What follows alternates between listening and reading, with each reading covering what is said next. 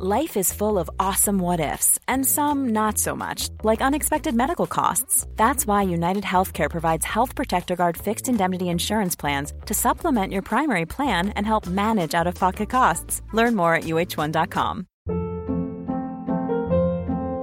Hold up. What was that? Boring. No flavor. That was as bad as those leftovers you ate all week. Kiki Palmer here, and it's time to say hello to something fresh and guilt-free. Hello Fresh. Jazz up dinner with pecan-crusted chicken or garlic butter shrimp scampi. Now that's music to my mouth. Hello Fresh. Let's get this dinner party started. Discover all the delicious possibilities at hellofresh.com.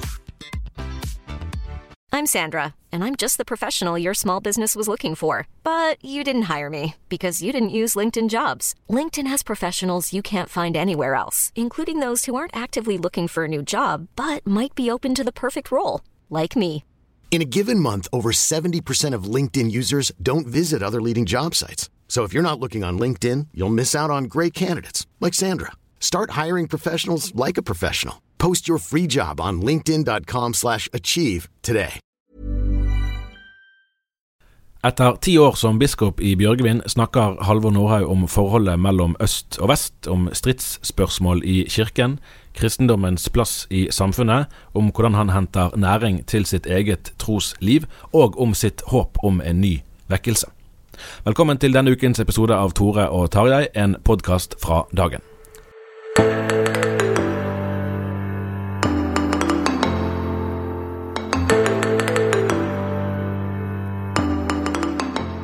Her i studio sitter Tarjei Gilje og jeg, Tore Hjalmar Sævik, men vi skal snart forflytte oss. Vanligvis er det jo biskoper som reiser på visitas, men denne vika er det vi som har vært på visitas hos biskop Halvor Nordhaug på kontoret hans på Nordnes her i Bergen. Og hva var anledninga, Tarjei? 8. mars i år var det ti år siden han ble innsatt som biskop her i Bjørgvin, og neste uke er det kirkemøte i Den norske kirke, det siste i denne valgperioden. Ja, da er vi altså på plass på eh, bispekontoret her i Bjørgvin.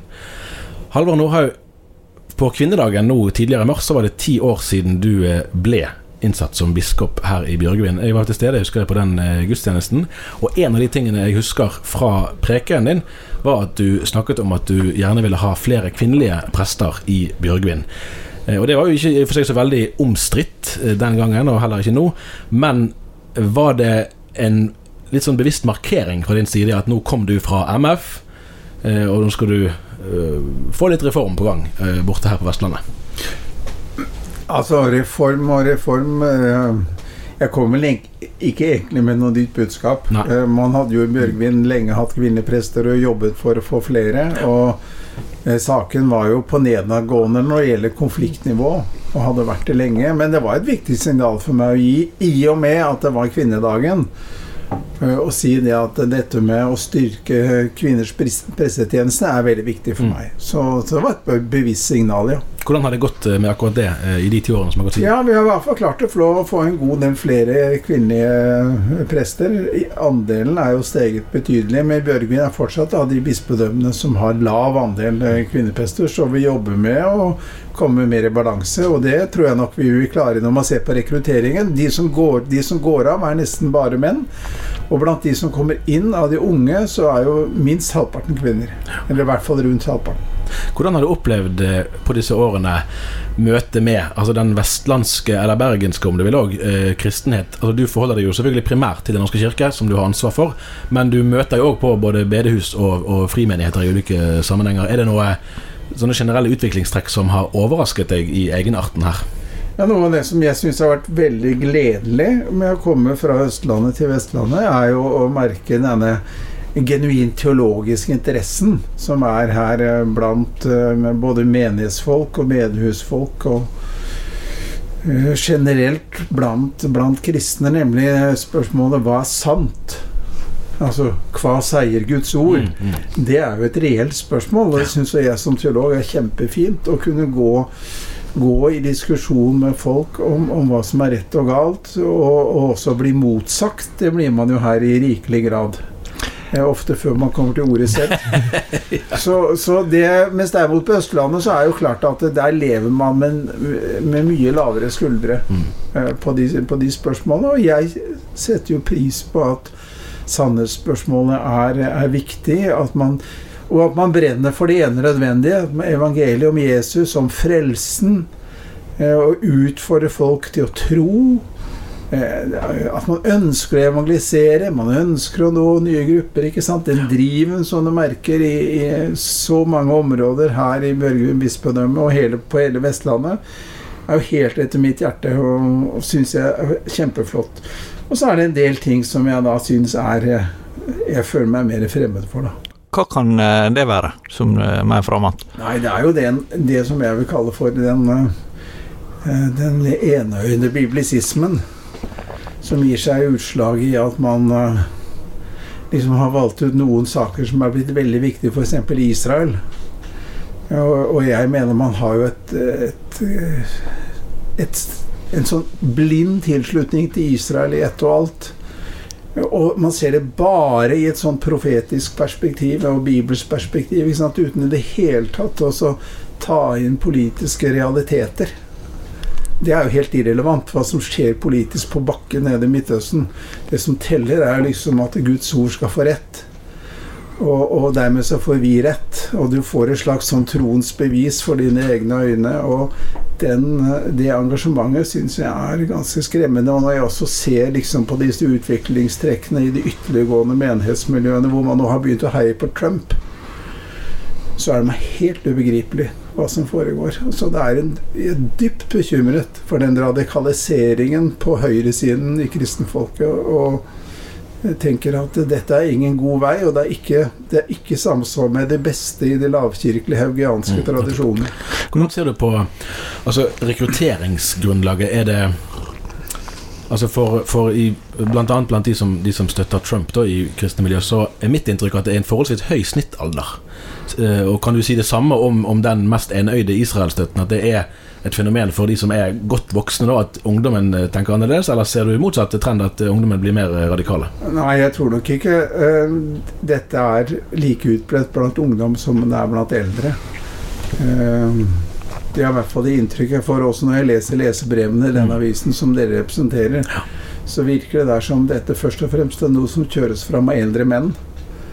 Og at engasjementet ikke er like sterkt blant yngre. Men det er klart, når du tar inn den derre ytterliggående høyrebevegelsen, altså med, med Hanvold, med Trump, med hun Nabintu Hærland, ikke sant, mm. så er jo det også en oppslutning som, som en bevegelse som står sterkt blant yngre mennesker. Så jeg syns bildet er ganske sammensatt. Men det vil jo være innvending mot eh, deg, som du sikkert har hørt rikelig, at uh, en hører veldig lite om Israel i et bibelsk perspektiv. En hører veldig lite om på en måte kritikk av det, de liberale strømningene, de relativistiske strømningene. Hva, hva, vil du svare på det?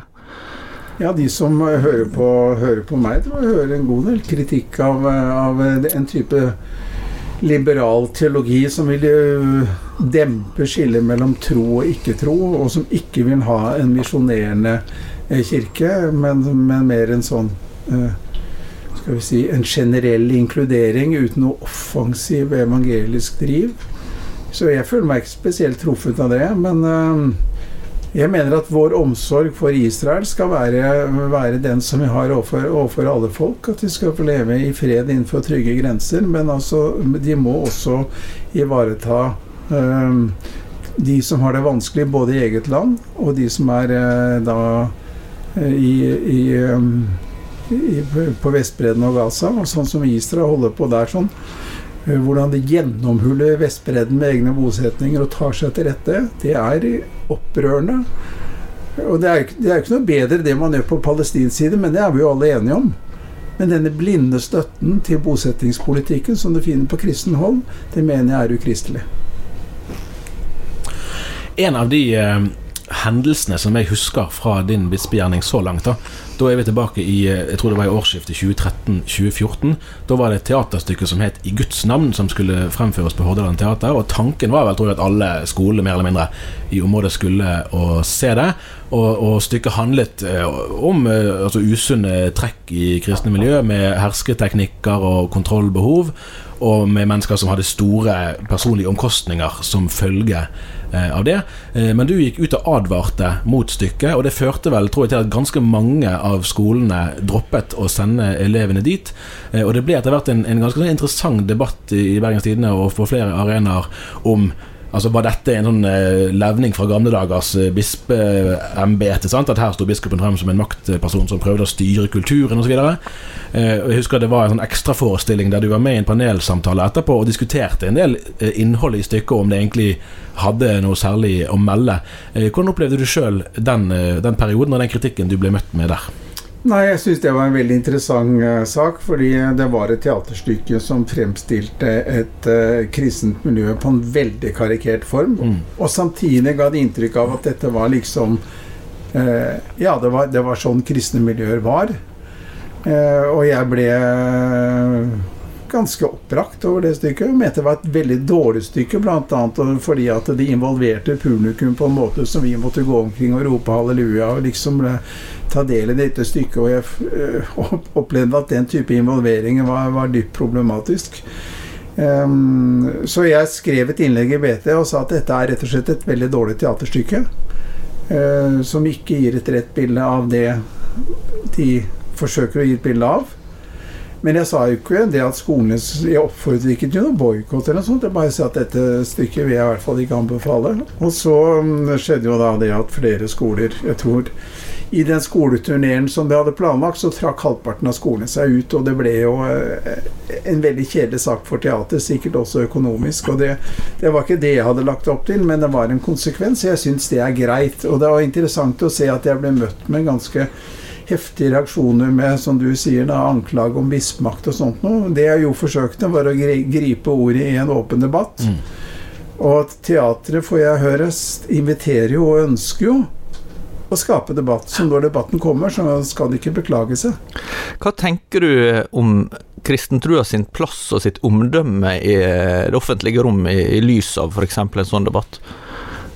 Eh, nei, det er jo veldig mange eh, fordommer ute og går. Altså, de Nordmenn flest har jo svært liten kunnskap om, om hva, hva, kirka egentlig er. Altså, De møter jo kirka ved, ved de viktige milepælene i livet. Men det tegnes jo ofte et bilde av kirken i media som er, er eh, karikert. Og når man da i tillegg tar inn at undervisning som gis på skolen nok er forholdsvis tynn, Eh, når det gjelder både innsikt i hva som er kristen tro, og ikke minst også kirkens historie, som jo er gjenstand for veldig mye karikering eh, i retning av hekseprosesser og korstog og alt det der, sånn, så har jo folk et ganske skeivt bilde. Og det er jo ingen tvil om at det for mange ungdommer, f.eks. unge eh, studenter, så nøler de med å snakke om, om, kristendom fordi at det bringer dem i forlegenhet. liksom Hvor naiv går det an å være? Eh, så jeg mener vi har et veldig eh, ansvar utad i offentligheten å gi et bilde av, av, av, hva kristen tro er, og også skryte litt av hva kristendommen har betydd eh, for, for vår historie når det gjelder menneskeverd, demokrati, rettsstat osv. Og, så og det har jo jeg forsøkt å bidra med, bl.a. med den boka jeg skrev sammen med Henrik Syse for noen år siden. En veldig god bok for øvrig. Jo, takk for det. Eh, som jo heter 'Hvor kristen skal Norge være?' Som jo er et forsøk på rett og slett å vise eh, rekkevidden av eh, kristen tro når det gjelder positiv påvirkning av samfunnet. Du sa jo det i et intervju med Dagen da du i forkant av at du ble innsett som biskop her i, i Bjørgvin, at du eh, var klar for å, å måtte delta i den offentlige samtalen. At du så det som en del av, av bispegjerninga. Hvordan har du opplevd å, å gjøre det? Altså, Det har jeg opplevd som, som uh, veldig interessant og meningsfullt. Og det er jo Hvis du spør hva skal vi med biskoper, så kan man, det kan man jo diskutere. Hvis biskopene var vekk, så vil sikkert menighetene gå like greit som før. Men det biskopen skal være, det er jo For det første skal du være en leder i kirka. Du skal ha tilsyn med forkynnelsen og, og, med det kristne livet. Men så skal du også være en kirkelig stemme inn i det offentlige rom, og der opplever jeg at jeg som biskop får en plattform som ingen annen prest eller ingen annen kirkelig eh, posisjon har noe tilsvarende. Eh, ikke engang lederen av, eh, av Kirkerådet har den plattformen som det en biskop har inn mot media. Og jeg kan jo bare nevne at jeg for noen dager siden fikk en mail fra BT med spørsmål om å skrive en kronikk i BT inn mot påske. Mm. Og Det er klart det er jo en uh, fantastisk invitasjon som jeg, tar imot. Vi har jo disse arrangementene som jeg har kjørt nå i noen år på Litteraturhuset som heter På troen løs, hvor jeg snakker med forholdsvis kjente folk, og gjerne kulturpersonligheter eller politikere eller andre som er kjent fra det offentlige, om, om kristen tro. Og det mener jeg er ganske viktig å holde ryktet om Jesus og samtalen om troen levende i offentligheten. Tenker du at mulighetene for en sånn samtale har endra seg i løpet av det, det tiåret du har vært biskop? Er det noen trekk du har observert? Altså Det er jo generelt et mye åpnere samfunn på mange vis. Eh, og det har jo sammenheng med sosiale medier og sånt å gjøre. At nå kan jo hvem som helst gripe ordet og si omtrent hva som helst. Eh, men det er også en, en, en åpenhet for, for tro. Og jeg tror de aller fleste også mediefolk etter hvert har lagt bak seg liksom noe av den pubertale motstanden mot han som lukter av kristenmanns blod, og er interessert i religion. For de ser jo det at rundt omkring i verden så spiller religion en veldig viktig rolle. Du kan jo ikke forstå dagens verden uten å forstå uh, hva religion er. Og det handler jo særlig om, om islam, men det handler jo også om uh, hva kristendommen har gjort, og hva den betyr for våre verdier. Ja, din tidligere kollega Oskar Skarsaune eh, skrev for eh, jeg tror det er 30 år siden et eh, debattinnlegg, eller en artikkel var det vel, eh, med tittelen 'Fra hyrde- og lærembete til trøste- og bærembete', mm. som beskrev noen endringer i presterolla fra det å ha ganske mye autoritet tildelt, tildelt fra staten, eh, men også i kraft av å være en, en åndelig leder. Da. Hva tenker du sjøl om endringene i bisperolla, i presterolla, i løpet av den tida tida du har vært, vært prest og biskop? Jeg tror nok at vi i mye større grad må, må tilkjempe oss en plass i det offentlige rom. Du kan ikke regne med det at hvis jeg nå skulle sende ut en eller annen pressemelding eller sånt, altså Per Lønning var jo veldig god på det der sånn så, så, kom jo på en måte media løpende med en gang. Det var jo også litt fordi han var jo en fremragende personlighet, ikke sant. Eh, men han fikk også veldig mye eh, mer i kraft av rollen, tror jeg, enn det vi får i dag. Så, men fortsatt er det da sånn som, som, sagt at jeg opplever som biskop at jeg har veldig mye eh, mulighet til å, å komme til orde i offentligheten som jeg ikke hadde hatt hvis jeg ikke hadde hatt denne rollen. Så jeg ser ganske positivt på biskopens mulighet og mener at det er en viktig tjeneste.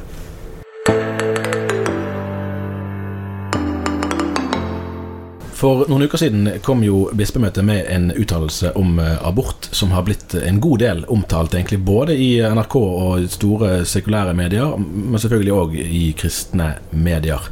Ble eh, mottakelsen av den uttalelsen vesentlig annerledes enn det du hadde ventet? Eh, ja, det vil jeg nok si. For jeg syns jo at uh, veldig mye av den uh, kritikken som har kommet, og den kommer jo da stort sett fra, høyre, fra høyresiden, gikk på det at vi ikke hadde eh, understreket fosterets verd eh, klart nok. Det kan jeg i og for seg forstå. Jeg ser jo at de formuleringene kunne vært enda klarere. Men um, det står jo der helt tydelig at, at vi, vi, understreker fosterets mm. verd. Og hvem er det som gjør det ellers i debatten? Det, var, det, var, det er jo en motmelding mot denne retorikken om at det handler bare om kvinnens kropp. Mm.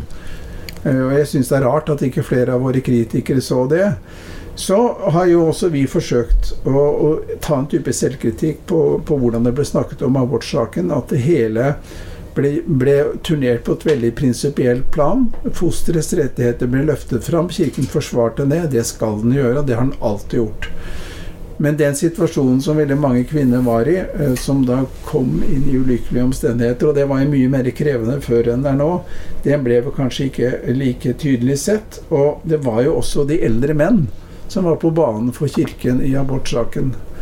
Og det var en del aktivister eh, som jo også i og for seg ikke representerte Kirken, men som på en måte ble slått i hardkorn med Kirken, som, som nok opptrådte uklokt uh, en del ganger, som bidro til at fra vår side som kirke så ble frontene skjerpet.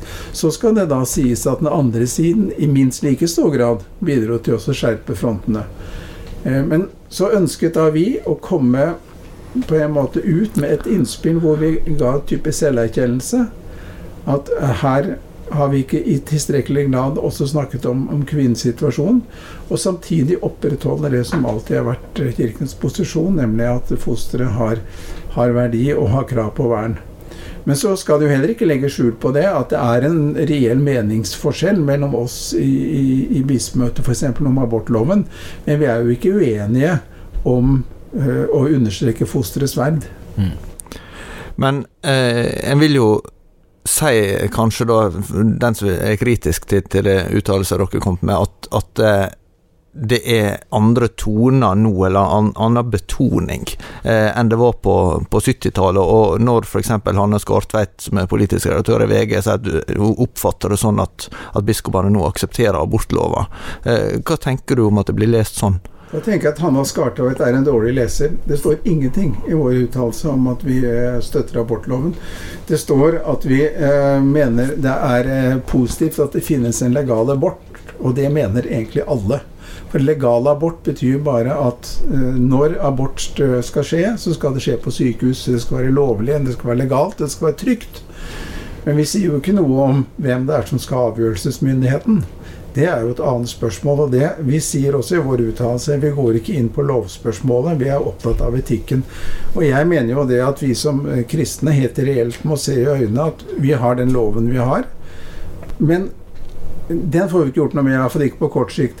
Men la oss snakke til samvittighetene, til de som er berørt. Til de kvinner og menn som står i valget, og si at eh, dere må huske på at dette dreier seg om et menneske som er som er blitt til, som er under utvikling, og som er sett av Gud og elsket av Gud. Det skal vi gjøre uansett hvilken abortlov som gjelder. Vi hadde jo eh, for en liten stund siden òg intervju med Ragnhild Knutsen, konen til Børre Knutsen, mm. som bor i en liten leilighet her i, eh, i, Bergen nå. Hun har jo en sterk og privat fortelling sant, om hvor mye mannens kamp kostet både for han og for hun og for barna. Hvordan, hvordan leser du hennes eh, fortelling eh, nå, da, i lys av eh, alt som har skjedd? Nei, altså, jeg hører jo med blant dem som uh, har en veldig stor respekt for, for Børre Knutsen, og ser jo at hans agering på en måte var noe han opplevde som et kall fra Gud. Ja, nærmest som en tvang som var pålagt han, ikke noe han oppsøkte selv. Jeg syns nok kanskje at en del av aksjonsformene hans ikke ikke tjente saken, fordi det bidro veldig til å polarisere og til å låse frontene. Men det dype engasjementet hans for menneskeverd kan jo ingen ta fra han. Og jeg tror også det at han eh, helt sikkert har vekket samvittighet hos mange. Eh, det er eh, i det hele tatt Den type skikkelser er det alltid vanskelig å ha, å ha en én en enkel oppfatning om. Ja, ja. Ja, det gjorde inntrykk på meg når jeg så den dokumentarfilmen. Sant? En prest og en plage som kom om han. Jeg lurer på om det var i bakgrunnsmaterialet. Så sier han noe om at han var helt sikker på, når eh, loven kom, utover i 70-årene, og, flere altså, utgaver etter hvert av den, eh, at dette kom jo kirkeledelsen til å stå opp mot. Sånn at når han begynte med sine eh, Det var jo før sykehusaksjonen, men han begynte å protestere, så tok det han det for gitt at dette kom jo alle i hermetegn til å gjøre.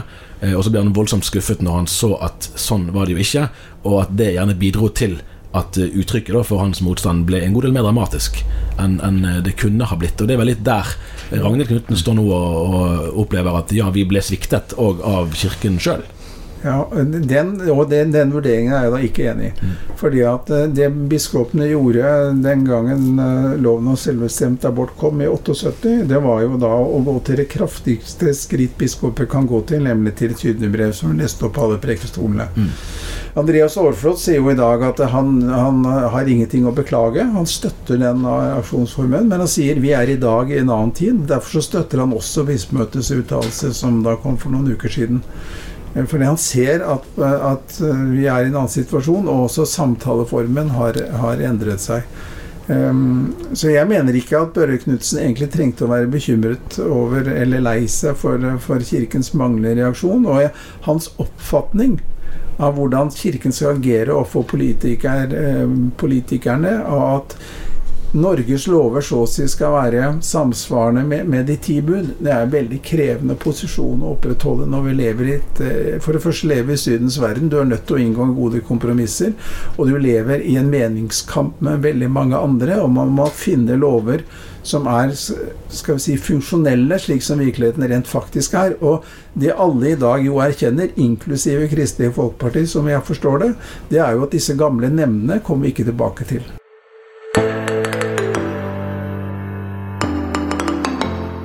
Vi er fra Tore og Tarjei altså på besøk hos biskop Halvor Nordhaug i Bjørgvin, som nettopp har markert at det er ti år siden han ble innsatt i embetet her. Eh, og eh, et av spørsmålene som har jo prega hele de bispetid, og eh, egentlig kirka nå er en generasjon omtrent, det er jo alt som handler om familie, kjønn, seksualitet. Hva tenker du det er uttrykk for at sånne spørsmål er så framtredende?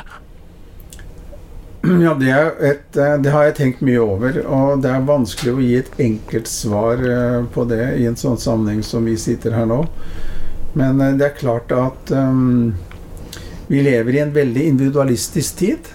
Eh, hvor eh, det handler om at hvert menneske skal fristilles mest mulig fra eh, tradisjoner og fordommer. Og det er jo veldig mye positivt med det, at folk blir fristilt. Men det når man skal begynne også å fristille seg eh, i, størst mulig grad fra det biologiske, fra kjønnsidentiteten, og man snakker om at det finnes veldig mange ulike former for kjønn og sånn, så tenker jeg at uh, dette er en, eh, en et signal om en kultur som er på ganske gyngende grunn, og hvor mange mennesker er på leit og hvor det å finne sin identitet kanskje for fort ble gjort til et spørsmål om, om eh, kjønnsidentitet.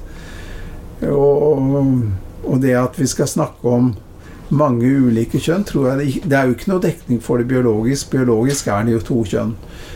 At mennesker har vanskeligheter med sitt biologiske kjønn, det er jo også klart. Og de, de må jo møte med stor respekt. Eh, og de bør få den hjelpen som kan gis. Men det begynner å rokke rokker ved det at det normale er kvinne og mann. Eh, og at eh, vi skal liksom holde fram det som en, en, gitt og god ting som folk kan få lov til å hvile i. Du bør ikke konstruere din egen kjønnsidentitet. Det er jo et utrolig stressende prosjekt. Hva tenker du skal være kirka sitt svar i, i møte med de, de, kulturelle endringene som blir skrevet? Jeg husker i en samtale du var ute i Åsane kirke for et år eller to siden, uh, om nettopp det med samlivsspørsmålet i, i uh, Den norske kirke sin sammenheng. Da, at du tenker vi lever i et kulturskifte. Hva skal måtte, kirka si til, til folk?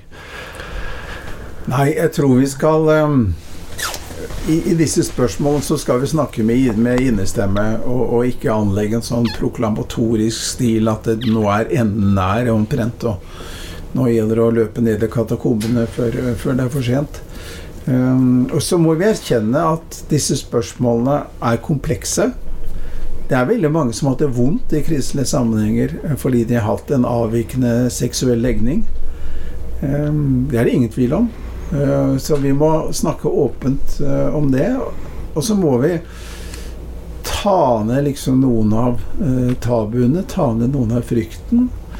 Men så skal vi nok også, og jeg er jo blant dem som mener fortsatt at ekteskapet er en ordning for, for kvinner og mann, og jeg er ikke redd for å kalle det for en skaperordning. Det mener jeg nok også at Jesus gjør. Og det er Det er de holder vi fram som, som gode, den gode formen for samliv. Og så er det da noen som vil si at ja, men dette, dette er ikke mitt, det passer ikke for meg. Og da må vi forholde oss til dem på en ordentlig måte og hjelpe dem å leve best mulig liv de som eh, har måtte vært skuffa eller ja, reagert på bispe, nei, kirkemøtet sitt vedtak om, om liturgi, vil jo si at her, her firer en på det som er absolutt i Guds ord, og at en inngår kompromiss på litt sånn sekulære eh, premisser. Hva, hva svarer du på det?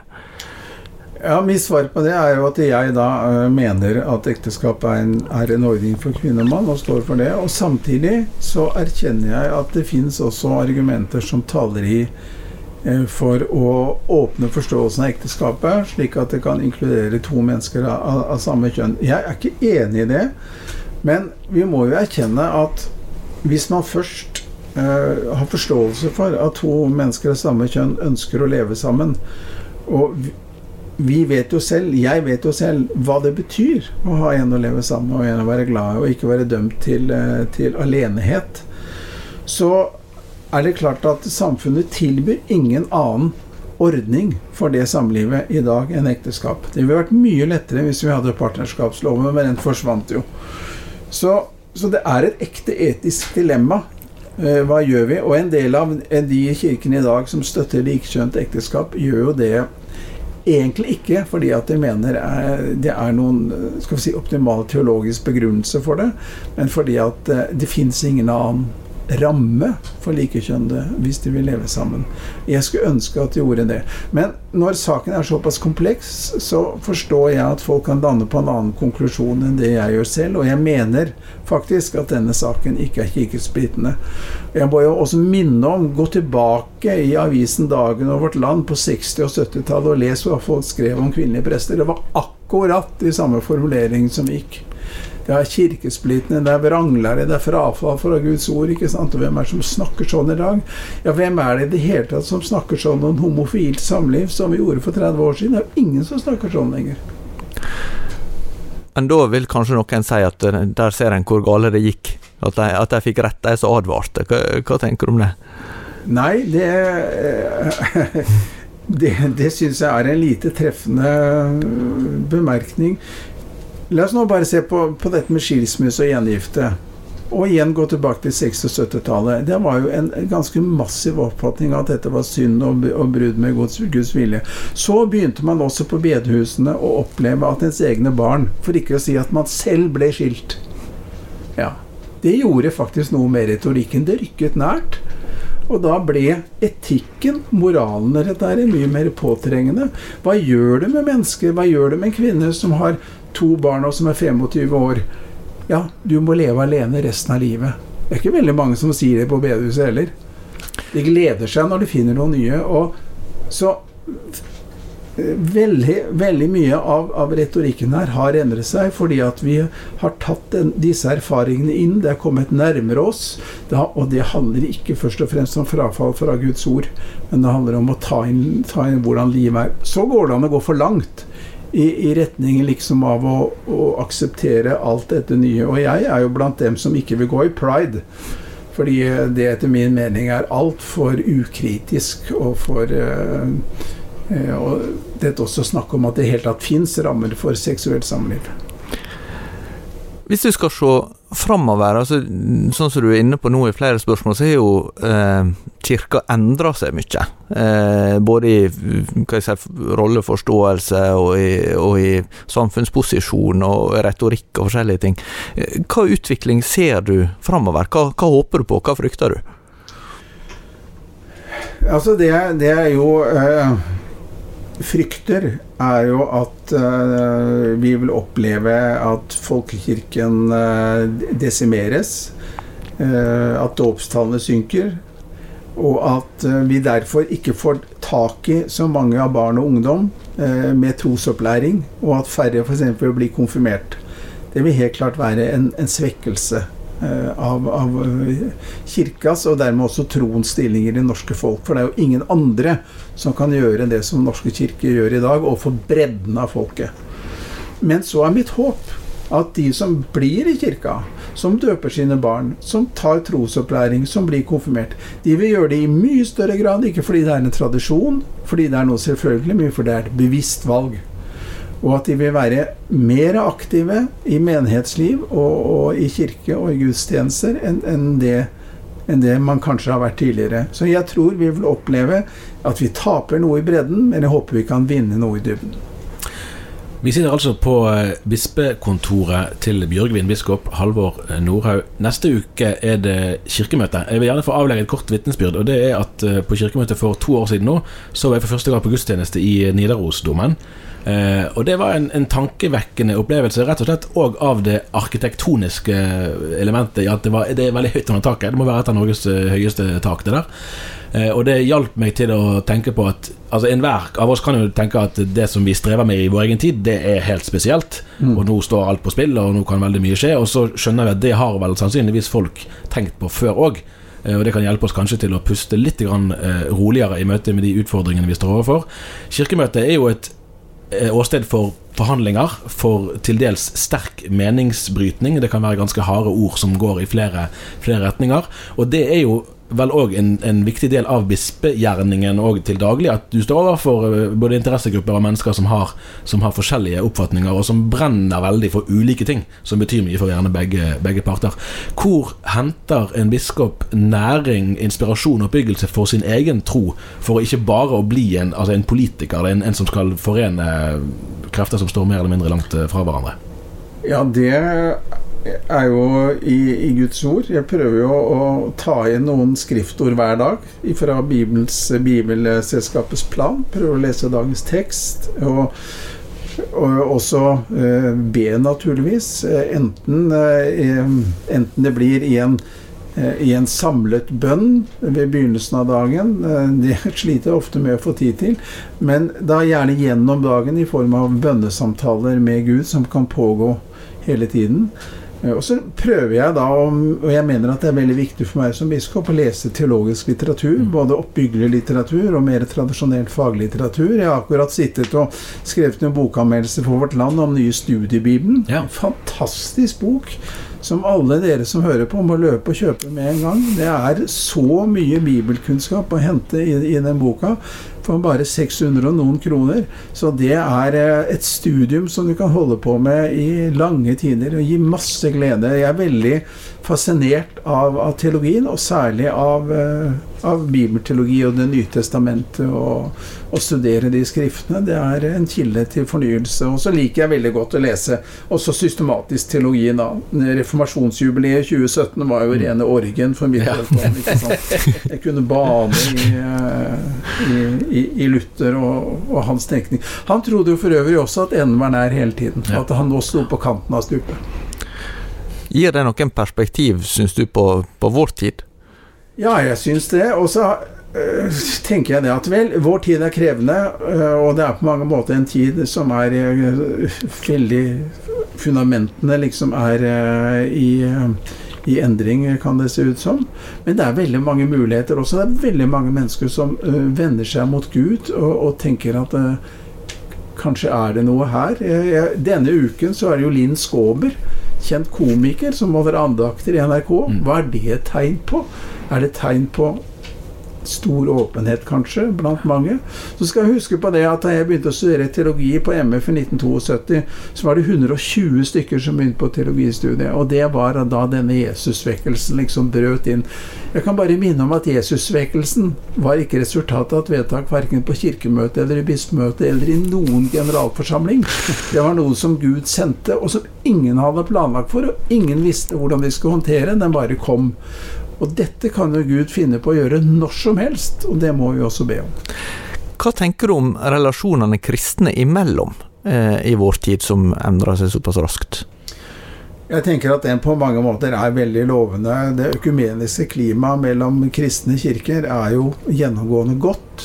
Eh, det gjelder jo særlig i forhold til den store katolske kirken. Jeg ser du har bilde av deg og biskop eh, Nei, unnskyld, pave Benedikt på eh, Ja da, pave Benedikt og jeg møttes én gang, og det var en veldig kort samtale. Men det, eh, det, var jo en stor stund for meg, i hvert fall. Ja, ja. Men det er klart at den katolske kirken globalt sett er jo helt dominerende og veldig viktig hvilken vei den går. Og det å ha gode relasjoner til den katolske kirken er viktig, men også til de andre eh, evangeliske kirkene.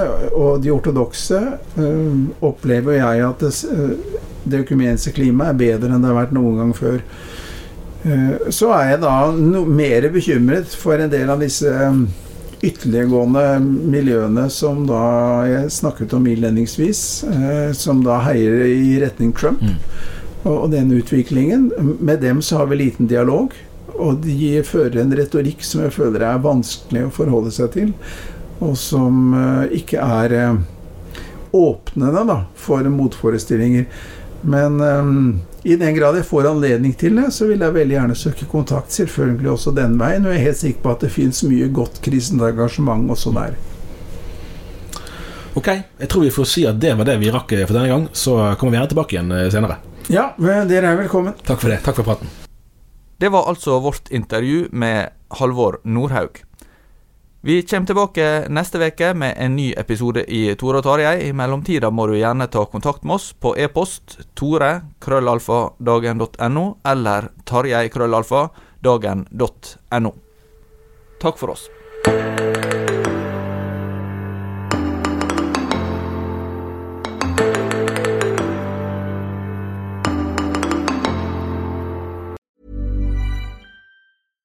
Ever catch yourself eating the same flavorless dinner three days in a row? Dreaming of something better? Well, HelloFresh is your guilt-free dream come true, baby. It's me, Kiki Palmer. Let's wake up those taste buds with hot, juicy pecan-crusted chicken or garlic butter shrimp scampi. Mm. Hello Fresh. Stop dreaming of all the delicious possibilities and dig in at HelloFresh.com. Let's get this dinner party started. When you make decisions for your company, you look for the no brainers. And if you have a lot of mailing to do, stamps.com is the ultimate no brainer. It streamlines your processes to make your business more efficient, which makes you less busy.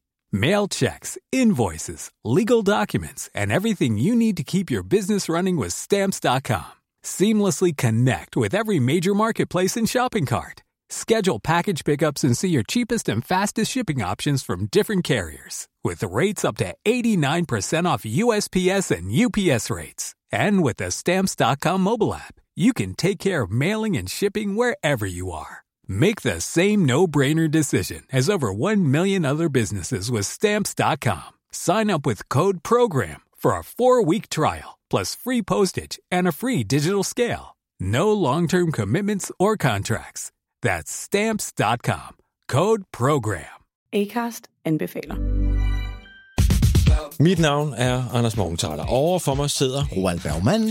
Vi har lavet en ny podcast, der hedder Dopaminklubben. Og Dopaminklubben er en klub, hvor ADHD er fucking sjovt, og hvor det griner. Det behøver ikke at være super alvorligt. Vi er skide trætte af alle de der podcasts, der forklarer mig nederen der. Vi gør grin med vores ADHD. Mulig ADHD. Ja, vi udreder mig, fordi nogen siger, at jeg har det. Jeg ved det ikke rigtigt, det finder vi ud af. Vi har i hvert fald lavet vedmål.